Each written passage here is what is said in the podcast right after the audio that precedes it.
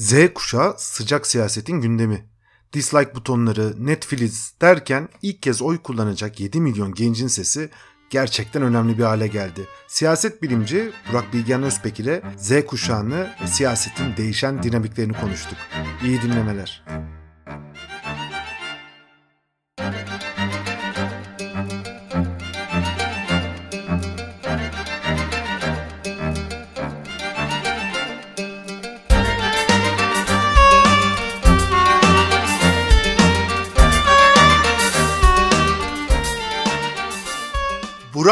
Bilgehan Özbek bugün konuğumuz.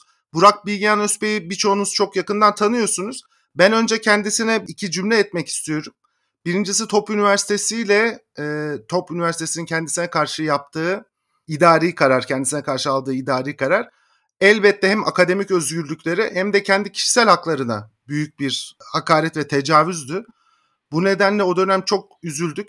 Tabii ne yazık ki Türkiye böyle özgürlüklerin yaşandığı, hukuk devletinin olduğu, istediğimiz, gönlümüzden arzu ettiğimiz bir ülke değil ve bu tip siyasal etkilerle yaşanan hak, hak gaspları çok fazla görüyoruz. Çok farklı seviyelerde görüyoruz. Burak açısından da bu dönem yaşadığı bu haksızlığın gelecek dönemlerde kendisine çok farklı düzeylerde onur ve gurur vereceğine ve e, yaptığı fikir ve ifade özgürlüğü savaşı açısından da hayat boyu sürdürdüğü önemli bir e, tarihi anı olacağına inanıyorum.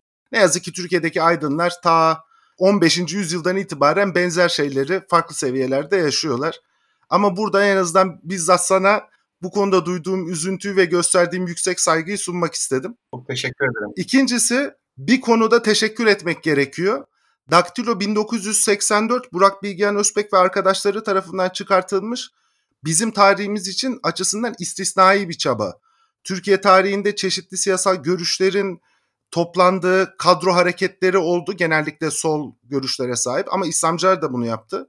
Fakat tarihimizde tutarlı ve felsefenin temeline değen bir liberal hareket ne yazık ki oluşmadı. E, Türkiye bunun eksikliğini çok hisseden bir ülke. Ne yazık ki bugün ortalama liberal deyince insanlar Mehmet Barlas falan zannediyorlar. Mehmet Barlas bir liberal değil, klasik bir sağ popülist. Atilla Yayla da bir liberaldi. Çünkü liberalizmin temel kavramlarını işte özgürlükleri koruyan devlet, e, özgürlüklerin teminatı olan devlet, birey hak ve özgürlükleri bu gibi şeyleri savunmadan liberal olmak mümkün değil. Daktilo 1984 en azından bize makul, kendi felsefesiyle tutarlı ve evrensel çıktıları olan bir liberal düşünce topluluğunun, bir liberal grubun ve bunların Türkiye'nin geleceğine dair söyleyecek sözleri olduğunu gösterdi. Bu kıymetli çaba için de teşekkür ediyorum. En azından fikir ortamımızı zenginleştiren bir şey. Şimdi hocam bu kadar teşekkür ve saygıyı sunduktan sonra konuya şöyle bir başlayayım. Z kuşağı çok tartışılıyor. Hükümet de ister istemez Z kuşağından nasıl oy alırız diye bir rapor yazmış. Ee, işte 7 milyon genç çocuk ilk kez oy kullanacak ve bunlar arasında AKP'ye oy verenlerin oranı çok düşük. Ama bizim açımızdan bu çok temel bir şey değil. Bizim açımızdan temel olan şey şu. Bugün siyasete hakim olan kuşak genel olarak 1950'li yıllarda doğmuş, 60'lar, 70'ler farklı bir dönemin travmalarını yaşamış ve teknoloji bilişim devrimine sonradan adapte olmak zorunda kalmış. İşe bakışı, örgütlenme biçimi, yönetim biçimi, refleksleri kendi gençliğinin yarattığı travmalarla dolu bir jenerasyon. Ve bu jenerasyon yeni nesillerle çok daha dinamik, çoğulcu, kendisi ne izleyeceğine, ne yapacağına karar vermeyi alışkanlık haline getirmiş bir jenerasyonla karşı karşıya ve hiç anlamıyorlar. Tek bir rakam verip e, sözü sana bırakacağım. SODEV geçtiğimiz günlerde gençlik üzerine çok kapsamlı bir araştırma yaptı. İlginç bir sonuç çıktı. Bunu SODEV Başkanı Ertan Aksoy'la da daha önce konuştuk. E, gençlere sizin için hangisi e, önemlidir ve ne kadar önemlidir diye sormuşlar. Örneğin çok para kazanmak çok önemlidir diyenlerin oranı %37.5. Fakat demişler ki düşüncenizi özgürce ifade edebilmek ne kadar önemli? Birden 10'a kadar puanlıyorlar hocam. %68.3'ü 10 puan vermiş. 10 tam puan vermiş. Çok ortalama verdikleri puan gençlerin düşüncelerini özgürce ifade edebilmeye 9.1. Başkalarının düşüncesini ifa özgürce ifade edebilmesi ne kadar önemli diye sormuşlar. Gene birden 10'a kadar puanlıyorlar. %52'si 10 tam puan vermiş. %52'si. Ve ortalama verdikleri puan 8.4 gençlerin. Yani gençler sadece kendi düşüncelerini özgürce ifade edebilmek, bu özgürlüğü önemsemiyor.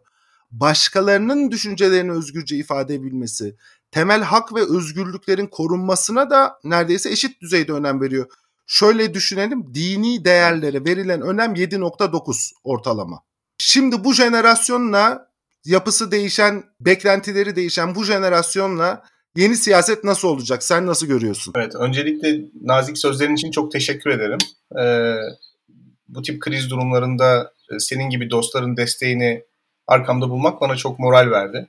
Aynı zamanda Daktilo 1984 projesini de toplumun birçok kesiminden takdirle karşılayan insanların sözleri bize oldukça moral veriyor. Onu da söylemem gerekiyor. Çok teşekkür ederim bundan ötürü. E, bu Z kuşağı meselesi hakikaten çok ilginç. Çünkü bizim uzun zamandır Daktilo'da da tartıştığımız bu apolitiklik meselesiyle temas ediyor. Çünkü Z kuşağı dediğimiz kuşak aslında çok sevimli bir kuşak değil.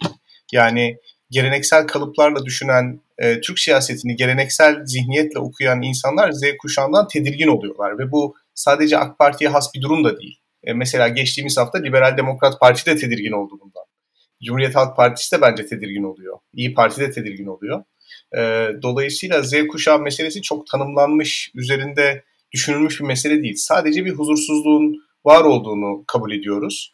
E, bu çocuklarla aramızda e, bazı kopukluklar olduğunu, onların e, imaj dünyasıyla, onların kullandığı jargonla, onların kullandığı terminolojiyle bazı sorunlarımız olduğunu fark ediyoruz. Fakat e, onların hayatta kendilerini nasıl konumlandırdıkları konusunda pek bir fikrimiz yok. Ve yine çok yanlış bir yerden konuyu tartışıyoruz. Yani bu Z kuşağının oy verme davranışı üzerinden konuyu tartışıyoruz. Aslında bundan daha karmaşık bir şey. Yani Z kuşağı e, şu anda iktidarda olan partiye mesafeli olduğu için muhalefet pek e, Z kuşağına bir şey söylemiyor gibi gözüküyor. Fakat bence e, orada çok daha kronik, Türkiye'yi kuşatan bir, hani sadece iktidara özgü değil, muhalefet partilerine de özgü bir tavır var bu kuşağa karşı. E, buradan başlamak gerekiyor e, kanaatimce. Evet doğru. Yani bizim bu X kuşağı dediğimiz e, 1950 doğumlular kaynakların nispeten daha bol olduğu, insanların e, eğitim görerek kolaylıkla yükselebildiği, dolayısıyla çabanın mükafatlandırılma sürecinin çok kolay seyrettiği bir e, dünyada yaşadılar. E, dolayısıyla onlar hayatta kalabilmek için çok fazla mal ve hizmet de tüketmek zorunda değillerdi. Yani şu anda dünyamızda çok fazla mal ve hizmet var ve bunlar tüketilmeyi bekliyor. 1950'lerin dünyasında bu yoktu. Türkiye için konuşmak gerekirse 1950 doğumlu olup politize olmuş olan insanlar 70'li yıllarda bunu başardılar. Yani 50 doğumluların politikleşmesi 70'li e, yıllara denk geldi ve 70'li yılların oldukça radikal kanatlarında yer aldılar. Yani bugün Türk siyasetinde baktığınız zaman hani Erdoğan'a baktığınız zaman, e, Devlet Bahçeli'ye baktığınız zaman, işte Kürt hareketi içerisinde Öcalan'a baktığınız zaman bu insanların büyük çoğunluğu 70'li yıllarda e, sokak hareketlerinden, daha radikal hareketlerden gelen insanlar ve bu şekilde sosyalleştiler, bu şekilde politize oldular. E, ve bu insanların kafalarındaki inanç kendi dışlarındaki dünyanın kendilerine bir borcu olduğu yönünde. Yani bu dünyadan alacaklı bir hırsla, öyle bir iştahla saldırıyorlar. Siyaset sahnesindeki iştahlarının sebebi de açıkçası bu. 70'li yıllardan bu yana böyleydi. Dolayısıyla onlar bir sistemi ele geçirip o sistemi kendilerine göre dizayn etmek gibi bir, bir akılla hareket ediyorlar. Bu da beraberinde sadece kendileriyle değil, kendileri dışındaki insanlarla e, ilgilenmeyi getiriyor. Yani politiklik dediğimiz mesele Türkiye'de birçok kaynağa baktığınız zaman insanın kendisiyle değil, kendisi dışındaki insanları şekillendirmesiyle alakalı bir şeydir. Ben bununla ilgili bir yazı yayınlamıştım mesela. Baktığınızda işte İslamcı bir yazar, Şule Yükselşenler mesela işte Huzur Sokağı'nda bazı paragraflar var. Ee, mesela düğünde oynayan insanlardan tiksiniyor ve gerçek İslamiyet'in bu olmadığını ima ediyor. Nihal Atsız'ın işte Topal Asker şiirine bakabilirsiniz. Orada e, işte cepheden gelen Topal bir asker İstanbul'da bir balo salonuna girer ve orada e, kıpkırmızı bir ruj sürmüş kıza bazı sistemlerde bulunur. Kendi halinde eğlenen insanlara karşı büyük bir hınç içerisindedir. Yine Yakup Kadri'nin Ankara romanına baktığınız zaman büyük bir ülkünün Ankara'nın sefahati içerisinde kaybolduğundan bahseder. Aydınlık Gazetesi'nin yazarlarına baktığınız zaman insanların kendi halinde mütevazi bir hayat yaşayıp kendi refahlarını arttırma çabalarına büyük bir tiksintiyle bakıldığını görürsünüz. Öcalan'ın kitaplarına baktığınız zaman bir Kürt gencinin Ankara'da, İstanbul'da ya da İzmir'de piyasa ekonomisi içerisinde kendisine yer bulmasının, kooperatife girmesinin, e, bir okul bitirip özel sektörde iş bulmasının, onun Kürtlerin kutsal davasından nasıl saptığının emaresi olarak gösterildiğini görürsünüz. Apolitiklikten e, nasıl tiksinildiğini görürsünüz ve bir Kürdün Kürt olarak devam etmesi için sınırsız bir politikleşme sürecinden geçmesi gerektiğini iddia eder. Yani Türkiye'de bu X kuşağının politikleşmeden anladığı şey sadece kendisiyle değil kendisi dışındaki insanlarla da ilgilenme üzerine kuruludur. Şimdi bizim daha sonraki 1980 sonraki kuşak yani Y kuşağı dediğimiz Özal'la beraber hep apolitik olarak eleştirilen kuşak o siyasallaşmanın yarattığı şiddetin toplum üzerindeki mesafeli olma hissiyle alakalı bir şey. Yani insanlar 70'li yılları gördüler 80'li yıllarda artık yetişen gençlerin böyle ideolojik bir bombardıman altında olmadığı bir dönemde. O dönemde de işte e, biliyoruz hepimiz evden çıkarken annelerimiz babalarımız üniversitedeki olaylara karışmayın gibi şeyler söylerdi. Politik olmak hakikaten son derece zararlı bir mesele olarak algılanmıştı. Dolayısıyla 80 kuşağı gerçekten politikaya mesafeli büyüdü. Ancak 80 kuşağının politikaya mesafeli büyümesi e, açıkçası AK Parti meselesiyle birlikte biraz sekteye uğradı. Çünkü AK Parti'nin yaptığı önemli şeylerden bir tanesi bana göre Gürman, toplumun alakasız, apolitik ya da toplumun 1980 sonrası politikaya mesafeli tavrını değiştirmek oldu. Büyük toplum kesimlerini, toplumun büyük kısmını ister eğitimli olsun ister eğitimsiz olsun politikanın bir parçası haline getirdi yani. Aslında Tayyip Bey'in bu konuda özel bir marifeti var. 1990'lı yıllardan gelen iyi bir teşkilatçı politikayı da toplumu kamplara bölerek ve bunlar arasında rekabet yaratarak, bunları birbirine karşı kışkırtarak yapmayı çok iyi biliyor. Hani toplumun politikleştirme sürecini Tayyip Bey çok başarılı bir şekilde yönetti ve kendi kitlesini aslında, kendisine oy veren kitleyi politikleştirirken hatta bunu radikalleştirirken karşı tarafı da aynı şekilde e, radikalleştirdi. Bu Z kuşağı e, bu radikalleşmenin galibi olan Tayyip Erdoğan'ın kurduğu otoriter sistemin içerisine doğdu açıkçası. Bunu da söylemek gerekiyor. Dolayısıyla o kutuplaşma artık yaratılmıştı, o hesaplaşma görülmüştü. Tayyip Bey'in politikleştirdiği kesimler iktidarı ele almıştı ve şu anda ülkeyi yönetiyorlar. E, bu Z kuşağı işte bu mücadelenin sonundaki dünyaya doğdu ve bu mücadelenin içerisinde yer almadı. E, bu mücadelenin kendi mücadelesi olmadığı e, aşikar e, ve şu anda içinde bulunduğu dünyayı e, bu mücadele üzerinden okumayı reddediyor. Yani bir politik kamplaşma üzerinden, bir kutuplaşma üzerinden okumayı reddediyor ve onların açıkçası apolitikliği de Y kuşağının apolitikliğinden biraz daha farklı. Yani Özal apolitiklerinden biraz daha farklı. Çünkü onlar aynı zamanda uluslararası sistemin, dünyanın diğer yerindeki teknolojik gelişmelerin de farkında olarak büyüdüler.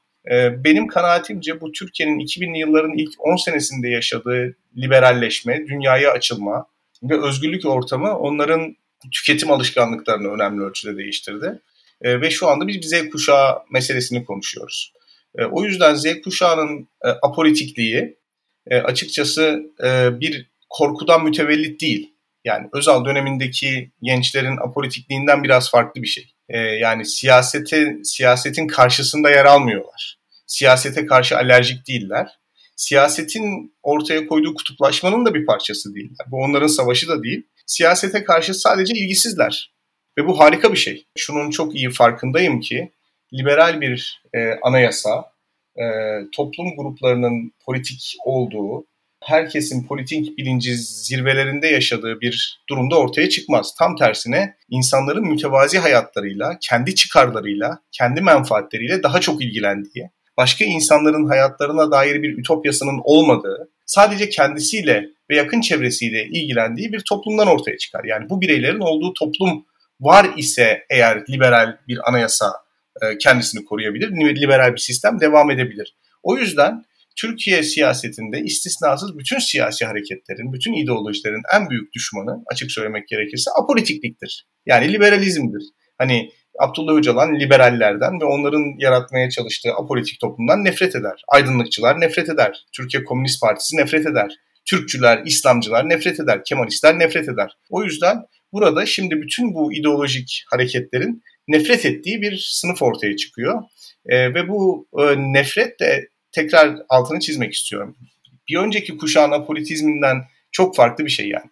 Siyasetin karşısında konumlanmış, e, uslu çocuk olan, terbiyeli çocuk olan ya da işte Kenan Evren'in kafasındaki e, aile tanımına uyan ya da Kenan Evren'in kafasındaki e, Türk genci tanımına uyan gençlerden de farklı. Siyasete karşı ilgisiz, hani rasyonel bir şekilde apolitikleşmiş, kendiliğinden apolitikleşmiş bir kuşak var. Bu kuşağın e, bence sadece oy verme davranışları üzerinden eleştirilmesi ya da yargılanması hatalı. Hayatımızın birçok alanında biz bu kuşağın önemli değişiklikler yapacağını, önemli değişiklikler getireceğini düşünüyorum. Hoca-öğrenci ilişkisi mesela eskisi gibi olmayacak bu kuşak e, hayatın içerisine girdikçe. Tüketim alışkanlıklarımız değişecek. Televizyonların, gazetelerin editoryal politikaları değişecek. Çünkü bu insanlar tüketici konumuna geçtikçe insanlar belki daha zeki, belki daha yüzeysel, belki e, daha piyasa odaklı davranmaya başlayacaklar ve hayatımızı kökünden etkileyecek bir değişimle karşı karşıya kalacağız. Ya burada dediğinde çok ilginç bir nokta var. Şimdi bu e, Builder Generation diyorlar. Bu 1910'lardan 30'lara kadar doğan nesle. Hı hı. Gerçekten Türkiye tarihinde Builder Generation'dan önce de bizdeki genel çağdaşlaşma hareketleri hep biraz tepeden aşağı doğru gittiği için bizim evet. sosyal ve ekonomik yapımızın farklılığında politikacının amacı başka insanların yaşam şekillerini değiştirmek. E, siyasanın temel hedefi toplumu ve oradaki bireyleri dönüştürmek, yeni bir insan tipi üretmek. Sonra tabii Cumhuriyet projesi de böyle bir proje. İster istemez toplumun bütün yapısını, kurumsal yapıların bütününü değiştirerek değiştirmeyi hedefliyor. Ondan sonra dediğin bir başka nokta ondan sonraki jenerasyondaki bütün hareketler de soğuk savaş koşullarında Türkiye'de neşet ettikleri için onların hepsi de hayatın bütününü üzerine tekel kurmaya çalışan, hakikat üstünde monopol kurmaya çalışan hareketler. Ne yazık ki çoğu da yani bizde öyle bir Hegel yok, Kant yok. Yetişmemiş bunlar yani. Oxford Üniversitemizde yok. Tabii, tabii. Bizde bütün bu hareketleri bir de gerçekçi bir şekilde bilimsel bir akılla denetleyecek bir sistem de yok. Şimdi şundan söylüyorum bu da bizde ideolojilere yön veren, liderlik yapanların hemen hepsi şair. Hı hı. Ve belagatta sınır yok biliyorsun. Yani şairlerin gerçeklikle bağlantı kurması gerekmiyor. Güzel bir duygu vermesi gerekiyor. Dolayısıyla o yüzden çok sınırsız istekleri var. Bize geldiğimiz zaman bizim senle şöyle bir şanssızlığımız vardı Z jenerasyonuna göre ve bizim bütün jenerasyon. Bizim çocukluğumuzda ve ilk gençlik yıllarımızda temel bilgi alma medyumlarımızın tamamı tek yönlü. Tabii. Yani kitap, radyo, televizyon interaktif değil. Hatta ansiklopedi. Tabii canım Ana Britannica herkesin evinde vardır değil mi? 21 cilt, Meydan Larus falan. Vardı. Dolayısıyla biz bunlardan kendi çabalarımızla bilgi aldık ama bunlar çok sınırlı kaynaklardı. Halbuki Z jenerasyonu çok küçük yaşında bilişim devrimine rast geldi. E, mobil telefonlar aracılığıyla internete erişimi hemen başladı ve nihayetinde onlar çok farklı medyumlardan interaktif olarak veri almayı biliyorlar. Doğal olarak biliyorlar. Bu veri ne olursa olsun isterse YouTube'da kaykay videosu izlesin, isterse işte twerk videosu izlesin, isterse e, 32. günden bir belgesel izlesin. Tamam. Bir başka yön ama onlar bir de birbirleriyle yani söz söyleme hürriyeti içine doğdular. Tabii. Senin söz söyleyeceğin çocukken, gençken kaç kürsü vardı abi? Tabii. Üç tane bile yoktur yani. Yoktur. Onlar doğrudan bütün topluma seslenerek başlıyor. Dolayısıyla sadece siyasi yapıları değiştireceklerini değil, tüketim biçimlerinin tamamına damga vuracaklarını söylemek mümkün. Artık eskisi gibi öyle ben kürsüye çıktım. Tabii. Çocuğa anlatacağım o da ezberleyecek gelecek bu yok yani. Kalmadı. Doğru söylüyorsun. Ee, yani bunu da şöyle söylemek lazım. Yani Rosenau'nun bu sosyolojik liberalizm dediği bir kavram var. Ee, Rosenau diyor ki toplumlar birbirlerini tanıdıkça birbirlerinden çok farklı olmadıklarını keşfederler. Bunda da en büyük katalizör teknolojinin gelişmesidir. Uçaklar gelişmiştir. Artık farklı ülkelere gidebiliriz. Radyo, televizyon gelişmiştir. Farklı ülkelerin insanların nasıl yaşadığını görebiliriz. Tabii internet bu bu gelişmelerde bir zirve noktasını temsil ediyor açıkçası. ee, ve hani ben liseyi bitirene kadar internet kullanmadım. Ee, üniversitede tanıştım internetle. Şu anda çocuklar 3 yaşından, 2 yaşından itibaren bir internet dünyasının içerisinde doğuyorlar. Birbirlerinden çok farklı insanlarla e, temas ediyorlar. Yani farklı ülke çocuklarını görüyorlar, farklı ülke gençlerini görüyorlar. Dünyanın herhangi bir yerinde küçük bir YouTube şovundan bahis açıp konuşabiliyorlar. E, işin enteresan tarafı kendi muaddilleri yani başka ülkelerde yaşayan kendi muaddilleriyle de e, çok iyi iletişim kurmayı becerebiliyorlar. Bu John Eikenberg'in e, küresel orta sınıf dediği mesele bu. Yani İstanbul'da bir lise talebesi, Londra'da bir lise talebesiyle çok rahat iletişim kurabiliyor. Fakat hem Londra'da hem İstanbul'daki lise talebesi kendi taşrasıyla o kadar iyi ilişki kuramıyor. Yani bir İstanbullu ve bir Londralı'nın birbirleriyle olan iletişimi İstanbul'un Yozgatlıyla, e, Londra'nın da Swindon'lıyla kurduğu ilişkiden daha iyi, daha yakın olabiliyor. E, bu beraberinde hani bu arkadaşların, Z kuşağının kendi toplumlarına yabancılaşması, kendi toplumlarının dışına çıkması gibi bir e, durum ortaya çıkartıyor. O yüzden mesela bizim toplumumuza yakışmıyor sosyal medya gibi bir ifade kullandı bugün Tayyip Bey. Mesela e, Z kuşağının kafasında ben hangi toplumun mensubuyum e, sorusu beliriyor. Yani çünkü o daha küresel bir toplumun parçası. O laf o kadar ilginç bir şey ki bence Tayyip Erdoğan kendisinin kuşağının yetiştirdiği muhafazakar gençleri de tanımıyor. Evet. Bu çocuklar Netflix'e, YouTube'a, Twitter'a doğdular resmen. Doğdular tabii. Onların günlük hayatında bu ne bileyim Tayyip Erdoğan için bir araba, kravat ne kadar normalse onlar için de o kadar normal. Hı hı. Ve onlardan yoksun kalmak çok temel böyle Tabii e, su içmekten yoksun kalmak gibi kendi gençliğini de çok itiyor gerçekten. Fark etmiyor ama. Tabii öyle. Yani biz hangi toplumun parçasıyız sorusu beliriyor insanların kafasında. Şimdi bizim çocukluğumuzda, gençliğimizde TRT filtresi vardı. Tabii bütün gazeteler, gazetelerin editoryal politikaları çok sıkıydı. E, yani bizim maruz kaldığımız içerikler genel olarak denetlenen içeriklerdi, filtrelenmiş içeriklerdi. Bunun iyi tarafı var. Yani bunun iyi tarafı belirli bir seviyenin üzerinde e, içerikle muhatap oluyor, oluyorduk tek taraflıydı. Ancak e, içerik kalitesi açısından iyi bir tarafı vardı. E, şimdi bu beraberinde şunu getiriyor. Mesela 80'li 90'lı yıllar TRT'sini izleyen bir İslamcı bilginin filtrelenmiş olduğundan şikayetçi değil. Hmm. Ve Tayyip Bey'in kafasında hani 1950'li yıllarda doğan herkes gibi bilginin filtrelenmiş olmasına duyulan bir iman var. Yani bilgi mutlaka filtrelenmelidir. Hani 80'li 90'lı yıllarda bizim maruz kaldığımız işte TRT'nin, Milliyet Gazetesi'nin, Hürriyet Gazetesi'nin editoryal politikası bunu gösteriyordu. Bu hani çok e, demokratik bir şey olmayabilir. E, ancak içerik kalitesi açısından e, beni oldukça tatmin ediyordu mesela. Ancak aynı dönemde Türkiye'de yaşayan İslamcıları, milliyetçileri bu tatmin etmiyordu. O yüzden hani Tayyip Bey'in, Devlet Bey'in e, zihni bilginin filtrelenmesi ancak filtrelemeyi yapan ya da bilginin denetlenmesini yapan kişilerin kendi ideolojilerine yakın kişiler olması üzerine kurulu. Böyle bir şey. Onun dışında bir şey düşünemiyor. Yani bugün Sabah gazetesinin de bugün A Haber'in de kendi içinde bir editoryal mekanizması var. Fakat bu editoryal mekanizmanın bir misyonu var, bir amacı var. İçerik Erdoğan'ın ideolojisine göre denetleniyor.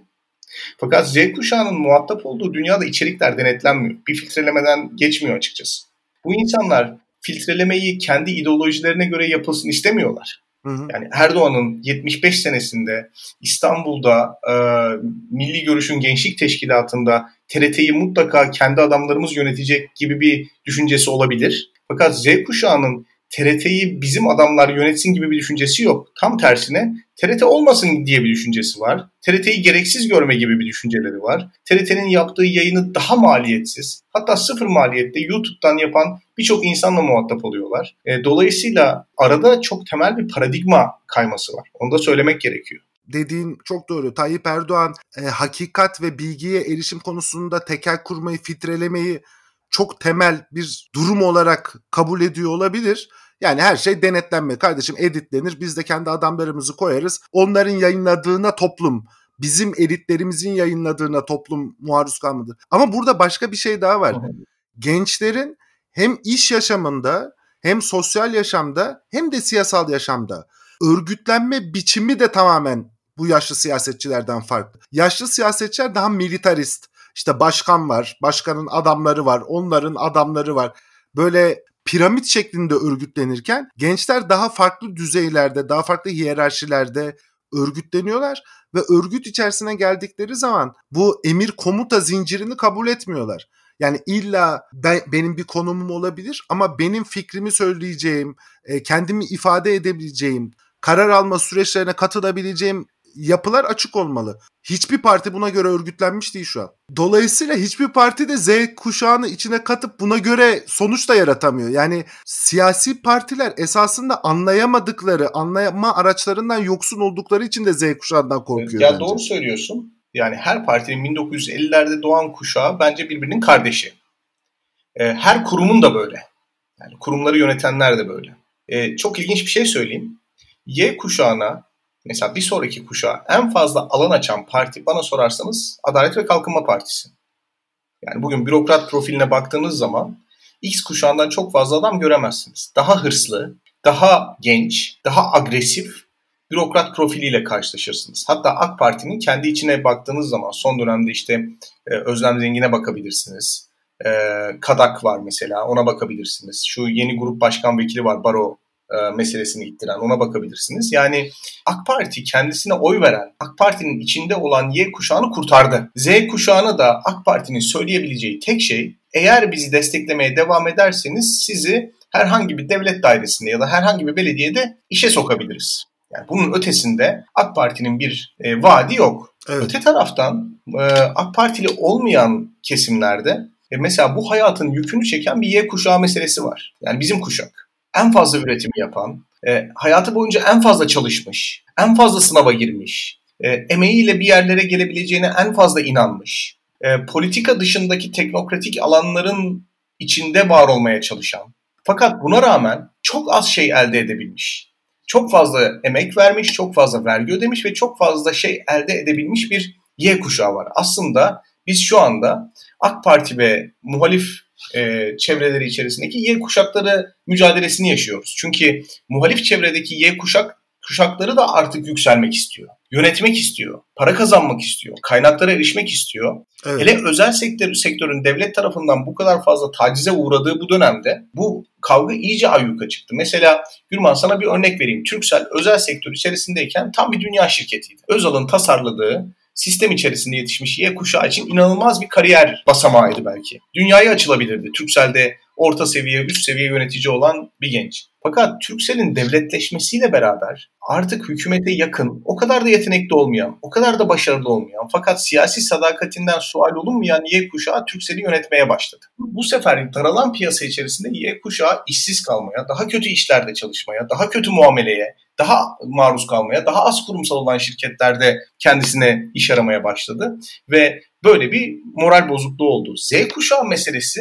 AKP veya muhalifleri fark etmeksizin yani AKP'li de olabilir Z kuşağı mensubu bir, bir genç. Herkesi kapsayan bir şey. Yani sadece muhalifin değil, AKP'li Z kuşağının da dünyası farklılaşıyor. Şimdi mesela muhalif olduğunu bildiğimiz isimler var tamam mı? Bunlar 1950'lerde doğdular ya da 60'ların başında doğdular. Emin ol ki bu insanlar iktidarla uzlaşmayı çok iyi becerebilen insanlar. Birçok kurumda görebilirsiniz. Yani Cuma günü Cuma namazına gidip akşam evinde şarap içen birçok adam görebilirsiniz. Cuma namazına gitmese bile hükümetin bütün direktiflerini şak diye yerine getiren birçok adam görebilirsiniz. Bunlar seküler aslında. Fakat X kuşağından oldukları için nasıl derler orada bir kardeşlik kurduklarını düşünüyorum ben. Ve var olan sisteme etkili bir muhalefet geliştirmediklerini düşünüyorum. Etkili muhalefeti tam tersine bu insanların kurumlarında çalışan Y kuşağı yani bizim yaş grubundaki insanlar geliştirmeye çalışıyor. Ve başarısız oluyorlar. Çünkü bu kurumların dışına itiliyorlar, kaynaklara erişemiyorlar, e, bir şekilde kendi küçük mütevazi hayatlarında taciz ediliyorlar. Dolayısıyla hani bu Z kuşağına gelene kadar aslında biz şu anda e, X kuşağının 70'li yıllarda yaptıkları kavgalar veya anlaşmalar. Şimdi bakın bir şey söyleyeceğim. Devlet Bahçeli ve Tayyip Erdoğan birbirine en fazla hakaret eden iki lider değil mi? Devlet Bahçeli ve Abdullah Öcalan birbirine en fazla hakaret eden iki lider. Şimdi bu insanlar yerel seçimlerden önce aynı düzlemde buluştular. Farkında mıyız? Yani Erdoğan, Devlet Bahçeli ve Öcalan seçimi AK Parti adayına kazandıracak politik önerisinde bulundu. Bu aslında o 70'li yılların sokak hareketlerinden gelen insanların ya da e, X kuşağı dediğimiz insanların nedenli pragmatik olduğunu, nedenli e, aslında kendilerini büyük dava adamı gibi sunsalar bile Türkiye'den alacaklı olduklarına dair inançla nedenli birbirleriyle uzlaşabileceğini gösteriyoruz. X kuşağı birbiriyle uzlaşır. Y kuşağı maalesef bu uzlaşma kültürüne sahip değil. Niye sahip değil biliyor musun? İşte bu 1980 kuşağı oldukları için politikaya karşı büyük bir e, şeyle büyüdüler, nefretle büyüdüler, teknokratik büyüdüler. Evet. Antipolitik büyüdüler. Yani biz şu anda bunu yaşıyoruz. Z kuşağına geldiğimiz zaman ise ister AK Partili olsun ister muhalif olsun bu insanların politikanın yanında ya da politikanın karşısında olmak gibi bir stresleri yok. Bu insanlar apolitik. Apolitik. Yani politika ilgi sahalarının dışında. YouTube yasaklandığı zaman seslerini çıkartıyorlar. YKS meselesinde kendi menfaatlerine dokunan bir şey olduğu zaman seslerini çıkartıyorlar. Yo bu yaşam politikaları alanında yaşam politikaları dediğimiz şey sen tabii çok iyi biliyorsun da e, şu e, insanların evden çıktıktan sonra kimliklerinden bağımsız olarak yaptıkları işlerle ilgili şeyler işte barınma, eğitim, sağlık hizmeti alma. Bununla ilgili talep ne kadar yükselirse Türkiye o kadar demokratikleşir zaten. Öyle. Çünkü mesela YKS üzerinden örneklendirelim. Orada benim kimliğimden, ideolojik görüşümden, dini inancımdan bağımsız olarak çok geniş bir kesimle koalisyon kuruyorum ben. Tabii. Ortak amaç için. Ve bunu bir kere yapabilirsen eğer başka konularda da yapabilirsin ve o zaman insanların nasıl yaşadığı ve devletin hangi hizmetleri sunduğu, devleti kimin hangi kimlikle yönettiğinden daha önemli bir hale geliyor. Çok daha önemli oluyor. Şunu da eklemek isterim yani. Y kuşağı bir tarafında da bizim kuşak vaatlere inanmış. Buna Özal'ın vaatleri diyelim. E, ve Cumhuriyet'le birleşen vaatler. O da şu iyi bir eğitim al çalış, evet. e, hayatta başarılı olursun. Siyaset her şey değil ama siyasi kurumlar da o zaman daha yumuşaktı. Yani evet. AKP öncesinde bir insanın bir seçimde DSP, diğer seçimde DYP'ye oy vermesi tabii, tabii. hiç görülmedik bir şey değildi. Çok normal bir olaydı. Hı hı. Aynı ailede işte baba Anavatan Partili, anne SHP'li, işte dede e, Adalet Partili Demirelci, öbür anneannede Bülent Ecevitçi çok rahat olabilirdi yani. Tabii çünkü devlet siyasi partilerin ötesinde bir şeydi. Yani bunu kabul etmek gerekiyor. Yani devlet dediğimiz olgu siyasi partiler tarafından tekelleştirilemeyen bir olguydu. Mesela Milli Güvenlik Kurulu çok antidemokratikti. Bunu kabul ediyoruz. Fakat Milli Güvenlik Kurulu'nun e, olmasından daha antidemokratik olan şey AK Parti Genel Merkezi'nin Milli Güvenlik Kurulu'na dönüşmesi. Yani devletin AK Parti ile iç içe geçmesi. Evet. O yüzden siyasi parti üyelik o kadar fanatizm gerektiren, partizanlık gerektiren bir şey değildi ki kim gelirse gelsin devletin işleyişi kendi içinde güvenlik sınırlarıyla aşağı yukarı belliydi. Bu burada şimdi Z kuşağı için tabii bunları anlamak çok zor. Biz yaşadığımız için çok iyi anlıyoruz ama yani şöyle bir şey de çok normal bir şeydi bu arada. Partiler birbirleriyle uzlaşarak hükümet kurabildikleri için yürütme organının başına gelebildikleri için birbirlerini çok da düşmanlaştırmak da istemiyorlardı. Necmettin Erbakan bile yani Refah Partisi bile olsa bu. İşte Tansu Çiller gidip onunla bir koalisyon kurabildi nihayetinde. Tabii. Güvenlik sınırları içerisinde herkes diğeriyle mümkün mertebe bir uzlaşı alanını arıyordu. Şimdiki kadar böyle katı, tribalist, böyle kabileci bir şekilde kimse ayrılmış değildi. Z, y kuşağının travmasının kolay çıkacağını zannetmiyorum. Ama bunun şöyle bir şans yaratacağını düşünüyorum. Z kuşağı açısından. Ekonomik olarak değil belki ama Y kuşağı e, hayalleri kırılmış. Bu kabilecilikle, sert çatışma ortamıyla, öfkeyle, nefretle, tekfircilikle e, hayalleri kırılmış ve yoksun kalmış bir kuşak. Ve bu kuşak rahat yaşamak istiyor artık. Çünkü 30-40 yaşımıza geldik. Ya sınavlar, kaybolan sınavlar, çalınan sorular, işsizlik, ekonomik kriz her şeyi gördük. Darbe, iki tane falan. Dolayısıyla bu kuşak ömrünün sonunda biraz rahat ve huzur içinde yaşamak istiyor. Zannediyorum AKP sonrasındaki dönemde e, muhalefet partileri arasında farklı ideolojilerden mensup olsalar da uyumlu bir koalisyon kurulmasının teminatı AKP döneminde kaybetmiş, muhalefette kalmış ve artık rahat yaşamak isteyen Y kuşağı olacak. Tabii muhtemelen kimlik politikasına çok girmeyen, evet. siyasi söylemlerle insanları bunaltmayan, daha teknokratik, daha bürokratik bir e, hükümet yapılanması göreceğiz. Türkiye'nin ihtiyacı olan şey de aslında biraz bu. Z kuşağı biraz da kaynakların ve sermayenin bol olduğu bir dönemde e, yaşadı. Yani hayata öyle geldi. Şimdi e, sen de hatırlarsın.